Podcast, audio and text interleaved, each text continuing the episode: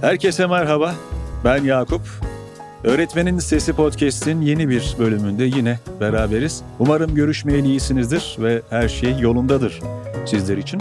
Bugün yine eğitimin önemli konularından birini e, odağımıza alıyoruz. Akran zorbalığını. Akran zorbalığı artık eğitimin içinde olsun, e, eğitimin dışında olsun pek çok kişinin varlığından haberdar olduğu bir olgu ve ne yazık ki öğrencilerin hayatının bir parçası. Birkaç sene önceye ait bir OECD raporunda her dört öğrenciden birinin akran zorbalığına maruz kaldığına dair bir veri yer alıyor. 2018 yılı olması lazım yanlış hatırlamıyorsam. Okullarda zorbalık raporunda Türkiye'de öğrencilerin %24'ü ayda en az birkaç kez akran zorbalığına maruz kaldığını belirtiyor. Haliyle e, Türkiye'nin böyle bir tablosu, böyle bir karnesi varken bu konuyu odağımıza almak hem önemli bir misyonmuş gibi geliyor bana hem de konuyu uzmanına taşımaya e, vesile olduğuna da inandırıyor beni. Dolayısıyla bu konuyu konuşacağımız için e, heyecanlıyım. Bugün yine bir değişim elçisiyle bu konuyu konuşacağız. Öğretmen Ağa Değişim Elçisi, uzman psikolojik danışman Halil Yavaş bugünkü konuğum. Halil hoş geldin. Hoş buldum, teşekkür ederim. Mardin'den selamlar iletiyorum hepinize. Bizden de çok selamlar. E, gerçi geçen hafta bir etkinlikte yine birlikteydik. E, Mardin'in güzel havasını, güzel ortamını hep birlikte deneyimledik. Harikulade bir etkinlik de geçirdik. Arada mesafe olduğu için bir hafta önce görüşmüş olsak da böyle insan özleşiyor. Tekrar e, podcast'te bir arada olmak da beni son derece mutlu ediyor. Halil çok konuştum. E, burada sözü sana bırakayım. Biraz seni tanıyalım mı? Elbette. E, ismim Halil Yavaş. E, Mardin'de Kızıltepe ilçesine bağlı bir köy okulunda okul psikolojik danışmanı olarak çalışıyorum. Dediğiniz gibi e, yüksek lisansımı Uludağ Üniversitesi e, Psikolojik Danışmanlık bölümünde yaptım ve aynı zamanda yaratıcı drama eğitmeniyim. E, bugün akran zorbalığını konuşacak olmak e, beni de heyecanlandırıyor. Çünkü uzun süredir üzerinde çalışmalar olsun, akademik çalışmalar olsun, etkinlikler olsun planladığım ve e, odağımı verdiğim bir konu ve bunu paylaşmak ve dinleyenlere de bu konuda yardımcı olmak benim için de güzel bir akşam olacağına inanıyorum. Çok teşekkürler Halil. Ee, başta söyleyeyim bizi kırmayıp e, konuk olduğun için de ayrıca e, teşekkür ederim. Şimdi özellikle bu pandeminin e, başladığı dönemlerde dijital uygulamaların, dijital araçların e, hayatımızda önemli ölçüde, önemli ölçekte yer almasıyla beraber siber zorbalık konusu örneğin e, konuşulmaya başlanmıştı. Aslında farklı kategorilerde, farklı bağlamlarda bu zorbalık konusu çokça konuşuluyor. Ama ben çok öz bir yerden başlamak istiyorum müsaadenle. Bu zorbalık konusu nedir? Biraz onu açalım istiyorum. Bunun bir çeşidi var mı örneğin? Ne tür çeşitleri var ya da? Biraz oradan başlayalım mı? Elbette. Yani zorbalık konusuyla ilgili herkesin de belki karşılaştığı bir tanımdan bahsetmek istiyorum. Ee, bir öğrencinin bir ya da daha fazla öğrenci tarafından sürekli olarak olumsuz eylemlere maruz bırakılmasıdır şeklinde Always tarafından yapılmış bir tanım var. Akran zorbalığıyla çalışmış insanların mutlaka karşılarına çıkmıştır. Buradaki cümlenin içerisinde fark ettiyseniz süreklilik ifadesi dikkatimizi çekebilmekte. Çünkü Always aynı şekilde bir davranışın zorbalık olarak adlandırılabilmesi için bize 3 tane kriter sunmakta. Bunlardan birisi süreklilik özelliği göstermesi, İkincisi ise istendik davranışlar. Yani bilerek, isteyerek bir davranışın gerçekleştirilmesi. Üçüncüsü ise eylemin yapıldığı kişiyle eylemi yapan kişi arasında bir güç dengesizliğinin olması gerektiğini ifade etmekte. Yani akran zorbalığı davranışını tespit etmemize yarayan bu üç kriteri e, bu davranışta bulmamız gerekiyor ve ki zorbalığı bu şekilde tanımlayabilelim. Türleri var mıdır? E, alan yazında bu noktada birçok e, sınıflandırmayla karşılaşmaktayız aslında. Ama genel olarak bir e, türlerine ve çeşitlerine ayırmak gerekirse e, fiziksel zorbalık, sözel zorbalık, sosyal zorbalık ve teknolojinin gelişmesiyle beraber siber zorbalık kategorilerini ele alabiliriz. Bunlardan en e, görülebilir olanları fiziksel zorbalık ve sözel zorbalık aslında. Okul bahçelerinde öğrenciler arasında işte vurma, itme, çelme takma, işte saçını çekme gibi davranışları fiziksel zorbalık kategorisinde değerlendiriyoruz. Ama dalga geçme, işte alay etme, kırıcı sözler söyleme, işte kötü kelimeler kullanma gibi ifadeleri ise sözel zorbalık olarak değerlendirmekteyiz. Sosyal zorbalık dediğimiz ise fiziksel ve sözel zorbalığa göre daha az fark edilebilen, daha az e, görebildiğimiz ya da daha az fark edebildiğimiz bir zorbalık davranışı. Çünkü ayrımcılık, e, oyunlardan dışlama gibi davranışlar ya da dedikodu yapma gibi davranışlar sosyal zorbalığa girmektedir. Biz daha çok fiziksel zorbalığı okul bahçelerinde öğrenciler arasında gözlemleyebiliyoruz. Senin de konuşmanın başında ifade ettiğin gibi dijitalleşen dünyada siber zorbalık kavramıyla çok fazla karşılaşıyoruz. Çünkü teknoloji kullanımı e, genç yaşlarda çok yaygın bir hal almış durumda ve bu anlamda da çocuklar birbirlerine internet ortamı üzerinden işte fotoğrafların altına kötü yorumlar yazma, virüs içeren mailler gönderme, işte e, rahatsız edici mailler atma gibi davranışlarla da siber zorbalık davranışlarını gerçekleştirebilmektedir diyebiliriz. Yani kısaca zorbalık kavramı ve zorbalığın türlerinden bu şekilde bahsedebiliriz.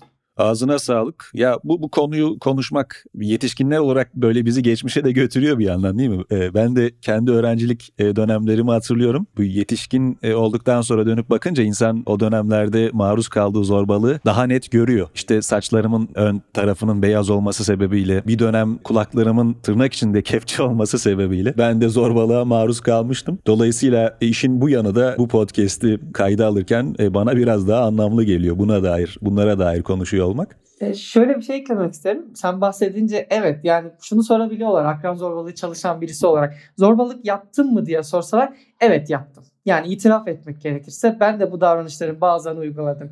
Ve bu davranışların bazılarına maalesef ben de maruz kaldım. Hepimizin öğrencilik yıllarında başına gelen olaylardan bahsedebiliriz. Ben çok e, sen bahsetmişken ben de rahatlıkla böyle duygularımı paylaşmak isterim bu konuda elbette.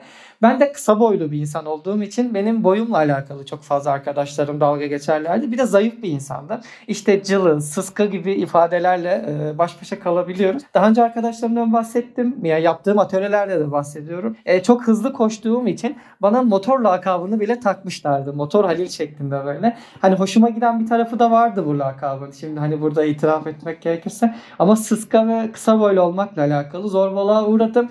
Ben de bir takım zorbalıklar yapmış olabilirim açıkçası arkadaşlarıma karşı. Sen öyle söyleyince ben de düşündüm. Benim de tabii karnemde bu anlamda yapılmış zorbalıklar vardır ama insan tuhaf da bir yandan böyle aklına ilk gelen kendine yapılan zorbalıklar. Yani kendi yaptığını hiç zorbalık gibi düşünmüyor. Tam da onunla alakalı bir şey sorayım burada. Şimdi konuşmamızdan da anlaşılacağı üzere böyle akran zorbalığı hem zorbalığı uygulayana hem de e, zorbalığa maruz kalana çok ciddi zararlara sebep olabiliyor. Peki etrafımızda bir zorbalık yapıldığında nasıl onu anlayabiliriz? Yani onun e, bir zorbalık olduğunu nasıl tescilleyebiliriz? Bir yandan da bunu fark etmenin yolları neler olabilir? E, bu anlamda neler söylersin? E, şunu söyleyebiliriz. E, az çok öğrencilik yıllarımızda düşündüğümüzde böyle zorbalığa uğrayan ya da sürekli arkadaşları tarafından zorbalık yapılan arkadaşlarımızı düşündüğümüzde böyle biraz daha sessiz kalan ya da işte çok fazla kendini ifade etmeyen kendi ihtiyaçlarını, kendi isteklerini ya da rahatsız olduğu şeyleri çok fazla dile getirmeyen, hani böyle sınıfta var ya da yok çok fark etmediğimiz arkadaşlarımız olur ya. Genelde bu öğrencilerin zorbalığa uğradığını ya da zorbalığa karşı sessiz kaldığını ifade edebiliriz. Zorbalık kavramını açıklarken 3 tane kriterden bahsetmiştim. Yani her davranış zorbalık mıdır şeklinde bazen soru gelebiliyor. Her davranış zorbalık değildir. Şiddet ve zorbalık arasındaki farkı ayırmak gerekiyor. Bir örnek de vermek gerekirse belki daha iyi anlamalarını sağlayabiliriz. Bir arkadaşımıza vurduğumuzda ya da arkadaşımıza çelme taktığımızda o davranış şiddet davranışıdır. Yanlış davranıştır. Ama bir arkadaşımız sınıfta herhangi bir arkadaşına sürekli olarak çelme takıyorsa ya da sürekli olarak vuruyorsa ve ona bilerek zarar vermek istediyse bazen böyle yanlışlıkla ayağımız takılır ya da yanlışlıkla işte kalemi, kalemini yere düşürürüz. Aslında ona zarar vermek istemeyiz. Burada kriter de bilerek ve isteyerek zarar verme. Üçüncüsü ise kişiler arasında güç dengesizliğinin olması. Yani eşit güçte iki kişinin e, kavga etmesi zorbalık davranışı değildir. Kavgadır, şiddettir, ama kendi aralarında ettikleri kavgayı zorbalık olarak nitelendirmiyoruz. Çünkü aradığımız kriterlerden birisi de güç dengesizliği. Yani zorbalığı fark etmemizi sağlayan bu üç kriteri dikkate almak gerekiyor. Bir de şuna bakmak gerekiyor. Yani mağdurların kişilik özellikleri ve zorbaların kişilik özelliklerini iyi bilmek gerekiyor. Yani zorbaların işte saldırganca arkadaşına zarar vermek niyetiyle yaptığı davranışlar varken mağdurların ise daha çok kendi içine çekildiği, kendini üzgün ve mutsuz hissettiği, böyle daha e, yüzünün e, mutsuz olduğu, daha kendini iyi hissetmeyen öğrencileri fark ettiğimizde e, bir nasılsın diye sormak, durumunu fark edebilmek bizler için çok önemli aslında. Yani şunu söyleyebiliriz. Diğer arkadaşlarından farklı davranan ve arkadaşlarına zarar vermek niyetiyle e, bulunan kişilere zorba derken daha çok sessiz kalmayı tercih eden, ihtiyaçlarını, e, beklentilerini ya da düşüncelerini ifade etmekte geri kalan yani benlik saygısı düşük diyebiliyoruz bu öğrenciler ve kişiler için ya da kendine güvenleri düşük diyebiliyoruz.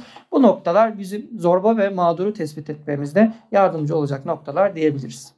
Buna e, kitabınızda da değiniyorsunuz Halil. E, Mine Kaya ile birlikte yazdığınız e, dijidrama ve akran zorbalığında da işte zorba, e, zorbalığa maruz kalan mağdur, zorbalığı izleyen ve hem zorba hem de mağdur statülerine e, oldukça geniş bir ölçekte değiniyorsunuz. Bunlardan hem zorba hem de mağdur statüsü e, iki zıtlığı aynı bünyede barındırdığı için kulağa çelişkili gelebiliyor itiraf etmek gerekirse. Oysa bu karşıtlıkların tek kişide görülebilmesi bizi böyle e, bireyin içinde bulunduğu o mevcut güç dengesizliği ve işte şiddet sarmalı üzerine yeniden düşünmeye de itiyor. Bu bağlamda bireyi hem mağdur hem de zorba yapan dinamikler, koşullar, nedenler neler olabilir? E, önce bunu sorayım ve insan neden zorbalık yapar? Bunu da ekleyeyim. İnsan neden zorbalık yapar kısmı benim de en çok merak ettiğim noktalardan birisi. Tabii ki insanın doğasına yönelik farklı yorumlar var. İnsanın doğası iyidir ya da insanın doğası kötüdür ya da nötrdür şeklinde psikolojide farklı yaklaşımlar bulunabilmekte. Öncelikle şiddet davranışı öğrenilebilen bir davranıştır. Yani aileden, kültürden, bulunan çevreden, rol model aldığımız kişilerden öğrenebildiğimiz bir davranıştır. O yüzden hani zorbalık nereden kaynaklanır, nereden öğrenilir dediğimizde ise kişinin yaşadığı çevreye ve aileye bir noktada bakabilmeliyiz. Ve dedim ya zorba aynı zamanda mağdur olabiliyor. Aslında az önce itiraf ederken zorbalık yaptım ve zorbalığa da uğradım dedim. Neden? Çünkü farklı durumlarla karşılaştığımızda, kendimizi savunmak istediğimizde savunurken bazen zorbalık davranışı yapabiliyoruz. Ya da mağdur olabiliyoruz. Bizden daha güçlü biriyle karşılaştığımızda, işte bizi bize zarar vermek isteyen birisi olduğunda mağdur durumuyla karşılaşabiliyoruz. Bir de şuna bakmak gerekiyor. Ailesi tarafından şiddet gören ya da bulunduğu çevrede şiddet gören bir kişi okulda arkadaşlarına zorbalık davranışı sergileyebiliyor. Hem zorba hem de mağdur kavramındaki döngü orada oluşuyor aslında. Bir yerde güçsüz konumunda olan bir kişi yaşadığı bu mağduriyeti telafi etmek adına ya da içinde yer alan öfkeyi o kişiye yansıtamadığından kendinden daha güçsüz, zarar verebilecek bir kişi bulduğunda bu ona zarar verebiliyor ve zorba durumuna düşebilmekte. Bunu yüksek lisans tezimde de tespit ettiğimi ifade edebilirim. Bulduğum araştırmanın bulgularında şöyle bir istatistiği vermek istiyorum zorba ve mağdur öğrenciler arasındaki korelasyon yani yaklaşık %50 oranında çıktı ve bu istatistik bana da yüksek geldi açıkçası. Çünkü uyguladığım e, formda hem zorbalık yapılıp yapılmadığını dair ölçen maddeler ya da zorbalığa uğrayıp uğramadığını ölçen yaklaşık 18-18-36 maddeden oluşan bir ölçekti. Ve oradaki korelasyon yani bir öğrenci zorba olurken aynı zamanda da mağdur olduğunu ifade etme istatistiğini yaklaşık %50 olarak tespit ettiğimizi söyleyebiliriz. Yani şiddet öğrenilen bilen, bir davranış. Şöyle bir görsel var hatırlar mısın bilmem. E, döngü halinde bir yetişkin var. Kendi çocuğuna şiddet uyguluyor. O da kendi çocuğuna şiddet uyguluyor. O da oyuncak e, ayısına şiddet uyguladığı böyle bir görsel var. E, zihinlerimizde hepimizin aklına gelebilir belki de. Bu yüzden şiddet öğrenilebilen bir davranış. E, yani ailede ve çevremizde öğrendiğimiz davranışları başka bir ortamda, uygun koşullarda zarar verebileceğimiz bir başka kişiye uygulayabiliyoruz. O yüzden durumlar değişebiliyor bizim zorba olduğumuz e, durumdan mağdur olduğumuz duruma geçebiliyoruz diyebiliriz açıkçası. Teşekkürler Halil. Ee, ben de kayda hazırlanırken şeyi düşündüm bir yandan. Yani elimde tabii ki bir bilimsel veri yok ama sadece bir gözleme dayalı tespit benimki. Özellikle işte televizyondaki kimselerin dilinin sertleştiğinde, siyasetin dilinin sertleştiğinde, kamusal yaşamı ilgilendiren herhangi bir süreçte, aşamada birilerinin dili sertleştiğinde ya da e, hakarete varan söylemler e, gün yüzüne çıktığında zorbalık da sanki artıyor gibi. Çünkü çocuklar, öğrenciler bir şeyi kopya etme bakımından yetişkinlerden daha öncelikli bir noktada. Dolayısıyla tam da senin temas ettiğin gibi yani e, ailesinden, bir yetişkinden, çevresinden gördüğü bir şeyi okulda ya da e, muhtelif herhangi bir eğitim ortamında herhangi bir eğitimin öznesine uygulaması, bir zorbalığa bunu dönüştürmesi ne yazık ki son derece mümkün. Nitekim işte OECD'nin aslında verisi de sanki bunu destekler nitelikte. Elbette öyle. Çünkü sosyal medya, televizyon, sosyal medya araçları hepimizin şahit olduğu ve kullandığı. Yani özellikle genç nesilde işte TikTok kullanımının çok yaygın olduğunu görüyoruz. Arkadaşlar TikTok'taki videoları incelediğinde işte birbirlerine zorbalık yapan ya da birbirlerine hakaret içeren görselleri izlediklerinde gülüp geçiyorlar aslında. Ya da işte çok kötü şakalar yapıldığına şahit oluyoruz. Kötü şaka yapmada kötü şaka yapmada bir zorbalık davranışı aslında ve bunu e, sosyal medyada beğeni almak için yapan birçok grupla karşı karşıyayız. Senin de dediğin gibi siyasi söylemler ya da işte e, siyaset yani siyasi söylemleri şöyle ele almak gerekebiliyor. Onları da televizyonda görüyoruz, öğreniyoruz, kutuplaşıyoruz ve birbirimize karşı olan özelliklerimizle alakalı, kişiliğimizle alakalı birbirimizi bile yetişkinken işte sen şu görüşü savunuyorsun, ben bu görüşü savunuyorum şeklinde aslında birbirimize olan saygımızı ya da birbirimize olan iletişimimize zarar verdiğimizde bu çocuklara da yansıyor. Şöyle bir örnek verebilirim. Hani Bursa'da e, staj yaptığım bir köy okulunda öğrenciler arasında ayrımcılık davranışlarını gözlemliyorum. Çünkü işte el ele tutuşma etkinliği var. Grup olmamız gerekiyor yaratıcı drama etkinliğinde. Ve birkaç öğrenciyle el ele tutuşmadıklarını fark ettim. Ve onlar roman çocuklardı. Yani o kültüre ait olmayan ve dışarıdan gelen göç eden çocuklar. Ve bunun kaynağını araştırdığımda ve okuldaki öğretmenlerle görüştüğümde şunu söylediler. Hocam kahvehanede bile e, romanlar bir yerde, Türkler bir yerde, işte göçmenler bir yerde. Yani yetişkinler aslında kendi içerisinde gruplaştıkları için bunlar da çocuklara yansıyorlar. Ve tırnak içerisinde işte romanlar pistir, romanlar kirlidir gibi söylemlerle yetiştirilen çocuklar el ile tutuşurken onunla tutuşmak istemiyor. Çünkü onun kirli olduğunu ya da onunla iletişime geçmemesi gerektiğine dair bir inancı var. Hatta böyle e, en üzüldüğüm tablolardan biri odur. Üzerindeki kazaktan tutarak böyle grup etkinlikleri yaptıklarını hatırlıyorum. Aslında yetişkinlerden evet öğreniyoruz. Siyasi söylemlerden öğreniyoruz. Birbirimize olan bakış açımızdan öğreniyoruz diyebiliriz. Aslında tam da bu yönüyle böyle sistemsel bir sorun bu mevzu. E, her ne kadar böyle bireysel e, deneyimlenen bir süreç gibi görünse de arka planda çok daha büyük bir kaynağı var, sorun kaynağı var. Sistemin e, yarattığı bir sorun var. Bu yüzden de bireyin sanıyorum iyi olma halini ve bu süreçten olabildiğince az e, zararla çıkabilmesini hedeflemek kadar zorbalığa zemin hazırlayan, zorbalığı doğuran ön yargıları, kalıp yargıları, işte biraz önce söylediğin o ayrımcılık temelli yaklaşımlarla da mücadele etmek gerekiyor. Şu ana kadarki konuşmayı da özetleyecek şekilde e, sormak istiyorum Halil. Zorbalığı nasıl ortadan kaldırabiliriz? Yani bunu birçok kişi dinliyor bu kayıtları. Eğitimciler, e, işte ebeveynler, öğretmenler, zorbalığa şahit olan öğrenciler. Dolayısıyla bununla alakalı neler yapabiliriz? Bu konuyla ilgili nasıl mücadele edebiliriz? Zorbalıkla nasıl mücadele edebiliriz? Bu konuyla ilgili hani akademik olarak üniversite 2'den beri işte çeşitli okumalarla başladım. Daha sonra işte akran zorbalığı üzerine yaratıcı drama projesi tamamladım. İşte yüksek lisansımı da akran zorbalığı üzerine tamamladıktan sonra sizlerin de bildiği Diji Drama ve Akran Zorbalığı kitabını yayınladım. Yani bu konuda uzun yıllardır çalışan biri olarak ve çeşitli araştırma ve çeşitli e, önleme programlarını da incelediğimde şunu net bir şekilde söyleyebilirim ki maalesef zorbalığı tamamen ortadan kaldırmamız mümkün değil. Yani bunu söylerken üzülüyorum. Yani bunun bir reçetesi, bunun bir net bir çözümü maalesef yok. Ama şunu yapabiliriz. Akran zorbalığını azaltabiliriz. Akran zorbalığını kişilerin sosyal duygusal anlamda onların hayatlarında yara açmayacak. Yetişkin olduklarında kendilerine olan özgüvenlerine zarar vermeyecek. Çocuklukta onları e, ihmal ve istismara maruz bırakmayacak şekilde elimizden geldiğince önlemeye çalışabiliriz. Peki önlemeye çalışırken hangi yöntem ve teknikleri kullanabiliriz? Belki onlardan birazcık bahsetmek gerekirse. Burada bütün paydaşların devreye girmesi çok önemli. Öğretmen anında temel felsefesi odur bilirsin. Yani tüm paydaşların devreye girmesi, sorunun muhatabı olan herkesin bir masada toplanması. Çünkü biz e, çözümü uygularken sadece tek bir çözüme ya da sadece tek bir kitleye ulaşmaya çalışıyoruz. Sadece öğrencilere yönelik yaptığımız akran zorbalığı çalışmaların yeterli olacağını düşünüyoruz. Halbuki öğrenciyi etkileyen e, okuldaki öğretmenler dahil olmak üzere okulun çevresinde bulunan kantinciden tutun da çocuğu taşıyan servisçiye, o mahallede, o köyde bulunan muhtara, ilçe milli eğitime, partilere, derneklere, sivil toplum kuruluşlarına, televizyon kanallarına aslında bütün paydaşların bütün paydaşların devreye girdiği, bütün paydaşların sorunun çözümüne odaklanmadığı çözümlerin çoğu maalesef sadece yerel anlamda bir hedefe ulaşabiliyor ya da sadece bir sınıf düzeyinde çözüme ulaşabiliyor. O yüzden çözüm noktasında bütün paydaşları devreye sokmak bir de çocuklara dinlemek çok önemli Yakup. Yani öğrencilerin akran zorbalığı yönelik çözümlerini öğretmen anda yaratıcı problem çözme programında da aslında onu bizzat deneyimlemiş birisi olarak söylemek gerekirse öğretmenden çıkan çözümlerin değerli olduğunu hep vurgulamışlardı. Çünkü sorunun kaynağını yaşayanlar bizleriz.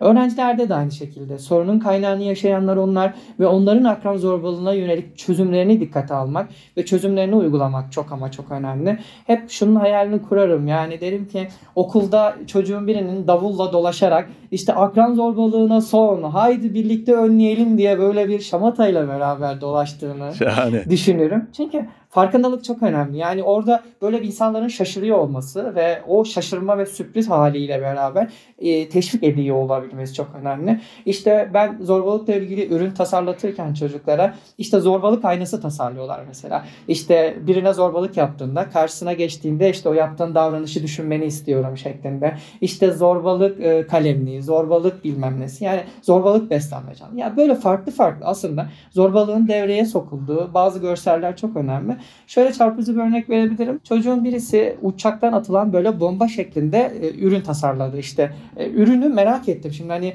hatırlarsan çocuklara dinlemeden yorumlamamak lazım. Önyargıya ulaşmamak lazım. Çocuğun yanına gittim ve dedim ki hani bu yaptığın nedir tam olarak? Ne yapmaya çalıştın? Hocam dedi onlar dedi empati bombaları dedi. Ve uçaktan düştüğünde insanlara ve empati duygusunu aşılayacaklar. Süpermiş. Evet ya bunu görünce o kadar şaşırdım hani ve beklenmedik bir şeydi benim adıma da. Yani bu tarz çözümler ve onlardan çıkan çözümlerin devreye sokulması bence çok önemli bir kriter diyebiliriz. Bu noktada tabii ki ebeveynlere, öğretmenlere çok fazlasıyla iş düşebilmekte. Ebeveyn olarak eğer bu podcast'i dinliyorsanız şunları söylemek isterim açıkçası. Bir zorbalığa uğrayan, mağdur olan bir e, çocuğunuz varsa onu sakin bir şekilde dinlemeli ve sorununu okulun çözmesine fırsat vermeliyiz. Bazen bu konuda çok fazlasıyla duygusal yaklaşabiliyoruz ve çocuğumuz adına sorunları çözmek için çabalayabiliyoruz. Okulun çözmesine fırsat vermeli ve süreç içerisinde çözülmediğinde dahil olmalıyız. Onları dinlemeli, onlara güven vermeli, mağdur olmasına neden olan özelliklerini konuşup onu güçlendirmeliyiz. Bir de aileler maalesef zorbalık e, yapan öğrencinin ailesiyle birebir görüşmeyi tercih ediyorlar. İşte hocam onun numarasını verin de ben bir velisiyle görüşeyim şeklinde. Bu çok doğru bir yaklaşım değil. Çünkü çocuklarınızın problemlerini siz çözmeye kalktığınızda çocuğunuz yetişkin olduğunda kendi problemlerini çözemeyecek duruma gelecektir. Zorba olarak yani okulda zorbalık yapan e, öğrencilerin velilerine seslenmek gerekirse yapılan davranış hiçbir şekilde normalleştirilmemeli. Çocuktur yapar şeklinde çocuğunuzun bu davranışını normalleştirdiğinizde saldırganca tutumları maalesef engelleyemiyoruz. Mağdur olan çocuğun duygusunu ona aktarabilmeli ve empati duygusunu geliştirmeliyiz. Bir de aileler bu konuda tutarlı olmalı ve onlara örnek olmalı ve çünkü öğrenilebilen bir davranış olduğunu söyledik. Aileler bu konularda çocuklarına yanlış örnek uyguladıklarında, yanlış davrandıklarında ise okulda zorbalık davranışları artabilmekte. Sosyal medyanın çok fazla kullanıldığından ya da televizyon programlarındaki çok şiddet unsurlarının, şiddet öğelerinin çok yaygın olduğunu söylüyoruz. Bazen yeterli imkanların olunmadığında herkes aynı odada bulunduğunda bir yetişkin şiddet içeren bir film izlediğinde gizli öğrenmeyle ya da açık bir şekilde çocuklar şiddet davranışını televizyonlardan maalesef öğrenebilmekte. Bu durumlarda velilerin özellikle dikkatli olması gerekmekte. Bir de mağdur olan çocukların kendine olan güveninin düşük olduğunu söyledik. Çocukların gelişimlerine uygun görevler verilmeli ve onların özgüvenleri arttırılmalı ve desteklenmeli ki zorbalık karşısında sessiz kalmamalı ve gerekli yerlerden gerekli durdukları durumlarda ise yardım alabilmeliler. Televizyon programlarını söyledik. Bir de onlarla nitelikli zaman geçirmek, onların ilgilerini, isteklerini, hobilerini fark etmek ve bu konuda gelişimlerine destek olmak çok önemli. Çünkü anlaşılamayan öğrenciler, anlaşılamayan çocuklar maalesef kendilerini ifade etmek için farklı yollara başvurabilmektedir. Ee, öğretmenler konusuna kısaca değinmek gerekirse öncelikle bireysel çalışılmalı.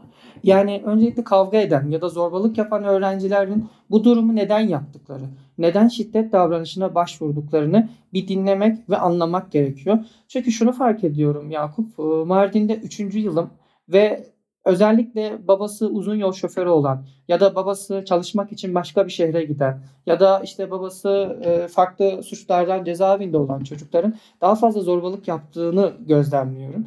Çünkü aile içi iletişimde sıkıntı varsa, aile birliği sağlanamıyorsa ya da yeterli güven oluşmuyorsa bu durumda çocukların dikkat çekmek için ya da kendini ifade etmek için şiddete başvurduklarını fark ediyorum. Bu konu çok önemli. O yüzden öncelikle çocuğun bu davranışı neden yaptığı tespit edilmeli. Daha sonra şöyle bir yanılgımız var maalesef. Kavga eden ya da şiddet davranışı gösteren çocukları hemen etiketliyoruz. Hemen işte diyoruz ki bu çocuk yaramaz, bu çocuk işte iflah olmaz, işte bu çocuk düzelmez. Halbuki onun başka bir ortamda mağdur olduğunu unutmamak gerekiyor. Yani zorba ve mağdur döngüsünü anlatmamızın sebeplerinden birisi de buydu. Bir de zorba ve mağdur konusunda bütün seyircileri devreye sokmak gerekiyor. Yani bu olaya şahit olanlar kısmı çok önemli. Çünkü hep çocuklara aynı şeyi anlatıyorum. Yani biri zorba var ve bir mağdur var ve geri kalan sınıf izleyici. Yani bütün toplumsal olaylarda işte kadına kadına uygulanan şiddet olsun ya da sokakta edilen kavgalar olsun ya da farklı durumlar olsun hep izleyici konumunda kaldığımız ve müdahale etmediğimiz için o şiddet davranışını engelleyemiyoruz maalesef.